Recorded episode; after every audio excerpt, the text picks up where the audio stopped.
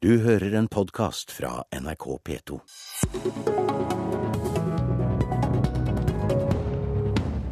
Dette er Politisk kvarter på NRK P2, i studio Sigrid Solund. Høyre-leder Erna Solberg og Siv Jensen, leder i Fremskrittspartiet, velkommen. Takk. Takk, takk. Dere kom eh, opprinnelig for å diskutere eldreomsorg, noe dere skal snart få anledning til. Men først til gisselsituasjonen i Algerie. Erna Solberg, hvordan holdes dere på Stortinget oppdatert om det som skjer? Altså, Regjeringen har vært flink til å informere oss om eh, både hva som skjer og hvordan de tenker. Eh, for oss er det jo først og fremst bare et behov for å vite hvis noe skjer som endrer situasjonen. Det er først og fremst regjeringens ansvar nå å, å håndtere den. Ja, Siv Jensen, hvor mye vet dere om hvor involvert norske myndigheter er i redningsoperasjonen og forhandlingene? Jeg legger til grunn at eh, regjeringen eh, iverksetter de tiltak den kan. Det er klart Dette er en veldig vanskelig situasjon, særlig fordi det er et eh, annet land som har hovedansvaret. Men den det først og fremst er krevende for, er jo de som er direkte berørt av dette, og deres nærmeste. Så jeg bare må krysse fingrene og håpe at dette løser seg på en god måte.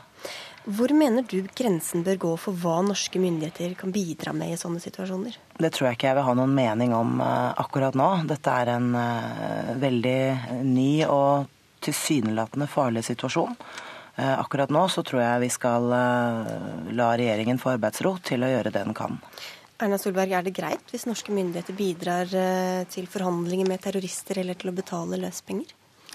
Uh, vet du hva, at jeg synes at Den vurderingen som gjøres for å redde norske, norske, liv, den skal regjeringen få lov å gjøre, og den skal de få lov å sjekke ut med oss. Uh, de vil måtte samarbeide med andre land.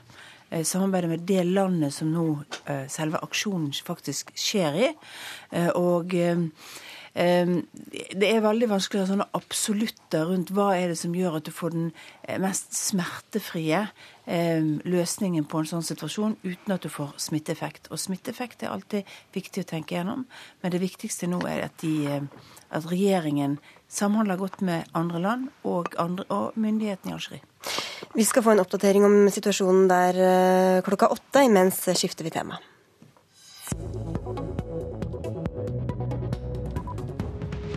For finansieringen av eldreomsorgen har skapt offentlig uenighet mellom Høyre og Fremskrittspartiet den siste tiden. Erna Solberg, hvorfor er ikke du enig med Frp om at staten direkte bør finansiere eldreomsorgen? Ja, det er sånn at Staten finansierer jo eldreomsorgen i form av at eh, kommunene finansieres jo i hovedsak gjennom statlige overføringer og de reglene vi lager på Stortinget. Men jeg er opptatt av at vi skal ha en god eldreomsorg, en nær eldreomsorg, en fleksibel eldreomsorg. Vår er så mye mer enn bare en sykehjemsplass. Det er hjemmehjelp, det er hjemmesykepleie, men det er også mye andre tilbud som gjør at du får en god eldreomsorg. Det er f.eks. at det er trening for eldre, at det er fysioterapi som gis. Det er mange sånne løsninger som er, som er viktige. men, men hvordan tror... kolliderer FrPs eh, finansieringsmodell altså med det? da? Jeg tror at det at du sitter nært med beslutningene på hvilke tilbud som skal gis, og hvordan du skal sette sammen pakker av tilbud, det klarer ikke staten å gjøre. Staten blir A4-format og pakker som de leverer. Jeg har vært gjennom så mange runder med oppgaveflytting mellom stat og kommuner opp gjennom årene som politiker. Staten blir alltid regelstyrt, firkantet og mye mer kontrollfokusert enn det kommunene blir. Hvor fristende høres det ut, Siv Jensen? Det er altså ikke noe problem at staten tar hovedansvaret for å finansiere eldreomsorgen direkte. Det fører eh, til en vesentlig ting, nemlig at alle eldre mennesker blir likebehandlet når deres medisinske situasjon endrer seg. Eh, så kan kommunene fortsatt ha ansvaret for å følge dette opp gjennom å ha en hovedansvaret for å legge til rette for utbygging av ulike omsorgstilbud osv. Det som er problemet, er at omsorg koster penger. Eldreomsorgen er ikke fullverdig finansiert. Vi er ikke lov for kommunene i dag å føre ventelister, sånn at vi vet jo ikke hvor reelt stort behovet er.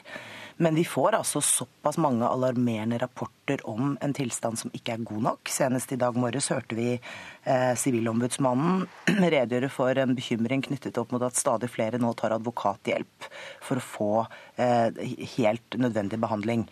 Det som er bra, er at det har vært mye fokus på andre deler av omsorg i eget hjem, og at folk skal kunne bo der lengst mulig. Men det vi snakker om nå, er de aller sykeste som trenger døgnkontinuerlig bemanning. Men er det bare de som skal finansieres direkte av staten, da? Vi mener at hele omsorgen bør finansieres direkte. Det som er problemet for kommunene, er jo at de har fått overført stadig flere oppgaver å håndtere på vegne av eh, samfunnet, uten at det har fulgt mer penger med. Og Da må vi altså være villige til å betale regningen. Og så langt så, så, har dessverre ikke den viljen vært til stede. Og jeg tror nok også Erna Solberg må innrømme at Høyre ikke har vært det partiet som har eh, gått eh, i bresjen for å styrke kommuneøkonomien særlig mye. Vi tar ikke hele kommuneøkonomidiskusjonen, Erna Solberg, men hvor, hvor, hvor, godt kan kommunene finansiere det når ikke det følger penger med hver enkelt, enkelt pasient? Eh, jeg mener at det er veldig viktig at eh, vi har god kommuneøkonomi i Norge. Eh, derfor er det veldig viktig at norsk økonomi går bra. Og når vi satt i regjering, så snudde vi økonomien. Jeg må ta det. Og så er faktisk 2005 et av de beste kommuneårene noen gang. For da gikk jo, men vi holder oss til denne finansieringsmodellen. Jo, men, men så, er det, så, er det, viktig å si at så siden eldreomsorgen er et sett av veldig mange gode tilbud Altså En eldre som begynner å få litt problemer, skal ha litt hjelp. Og så skal de få mer. Det er ikke bare medisinske spørsmål som dreier seg om. Det dreier seg også om sosiale spørsmål. Det dreier seg om ensomhet, det dreier seg om mye annet. så det er ikke bare å sette en prislapp nei, på hver enkelt? Jeg mener at det er ikke så lett å sette en prislapp på hver enkelt og overføre det. Og med en gang du flytter det fra en nær beslutning til en mer eh, sentralbeslutning, så får du mer byråkrati. Du får giroer som skal sendes mellom. Du får spørsmål er det riktig.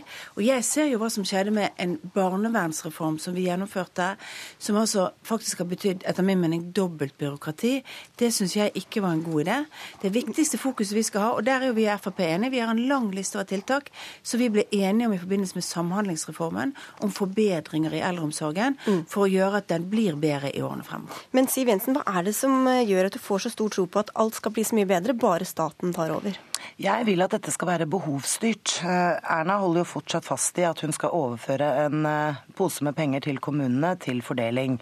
Vi, Men skal det, vi, folk deles inn i kategorier, da, eller hvordan skal det fungere? Vi mener at i det øyeblikket det utløses et behov for den enkelte, enten til omsorgsbolig, til sykehjem, til fysioterapi, til hjemmetjenester, eh, så skal pengene automatisk betales ut.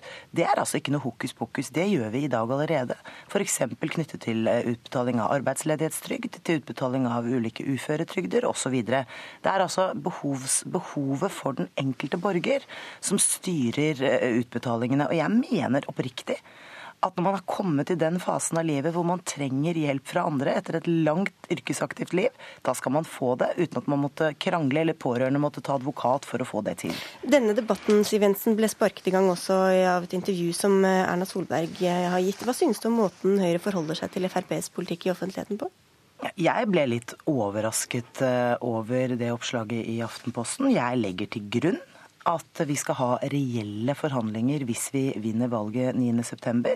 Da må alle partiene få ta med seg sine hjertesaker inn der. Og jeg kan bare forsikre om Fremskrittspartiet er ikke fornøyd med dagens eldreomsorg. Det kommer til å være en av våre aller viktigste valgkampsaker. Og ingen må tro at vi ikke kommer til å ha sterke ambisjoner om å få til mye når det gjelder eldreomsorgen i Norge. Men hvor aktuelt er det å gå om på dette etter å ha hørt deg argumentere imot eh, altså, Solberg? Vi er uenige, men det jeg også har sagt eh, til Aftenposten var at de må altså, kunne ta dette med til forhandlingsbordet, så skal vi diskutere det. Ta dem gjerne med inn, men ikke ha noen forhåpninger altså, om å få det gjennom. Vi, vi har et annet standpunkt. Og det må vi også få lov å få forklare. Nå er det jo sånn at eh, Når journalister spør oss om vår politikk i forhold til andre partier, så må vi også av og til svare. Men hvis man bruker uføretrygden som et eksempel på hvordan man enkelt på en måte kan fatte beslutninger i Norge, så tror jeg man må vite at det er et eksempel på at modellen for å bestemme behovet for en uføretrygd, den er jo nesten årevis. Sånn kan vi ikke få det i eldreomsorgen. Men Siv Jensen, du skriver på FrPs nettside at dersom man ikke ønsker viktige forandringer som gjør hverdagen bedre for folk, skjønner jeg ikke helt hva prosjektet til Høyre er for noe. Hva mener du med det?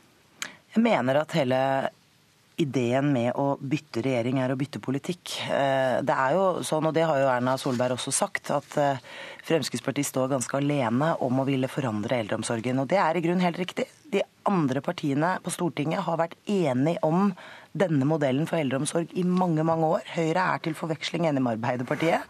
Eh, jeg mener at vi nå må sette inn mye større ambisjoner. Vi har drevet valgkamp på eldreomsorg i 20 år uten at vi har fått den verdigheten inn i eldreomsorgen som de eldre fortjener. Du har hørt en podkast fra NRK P2.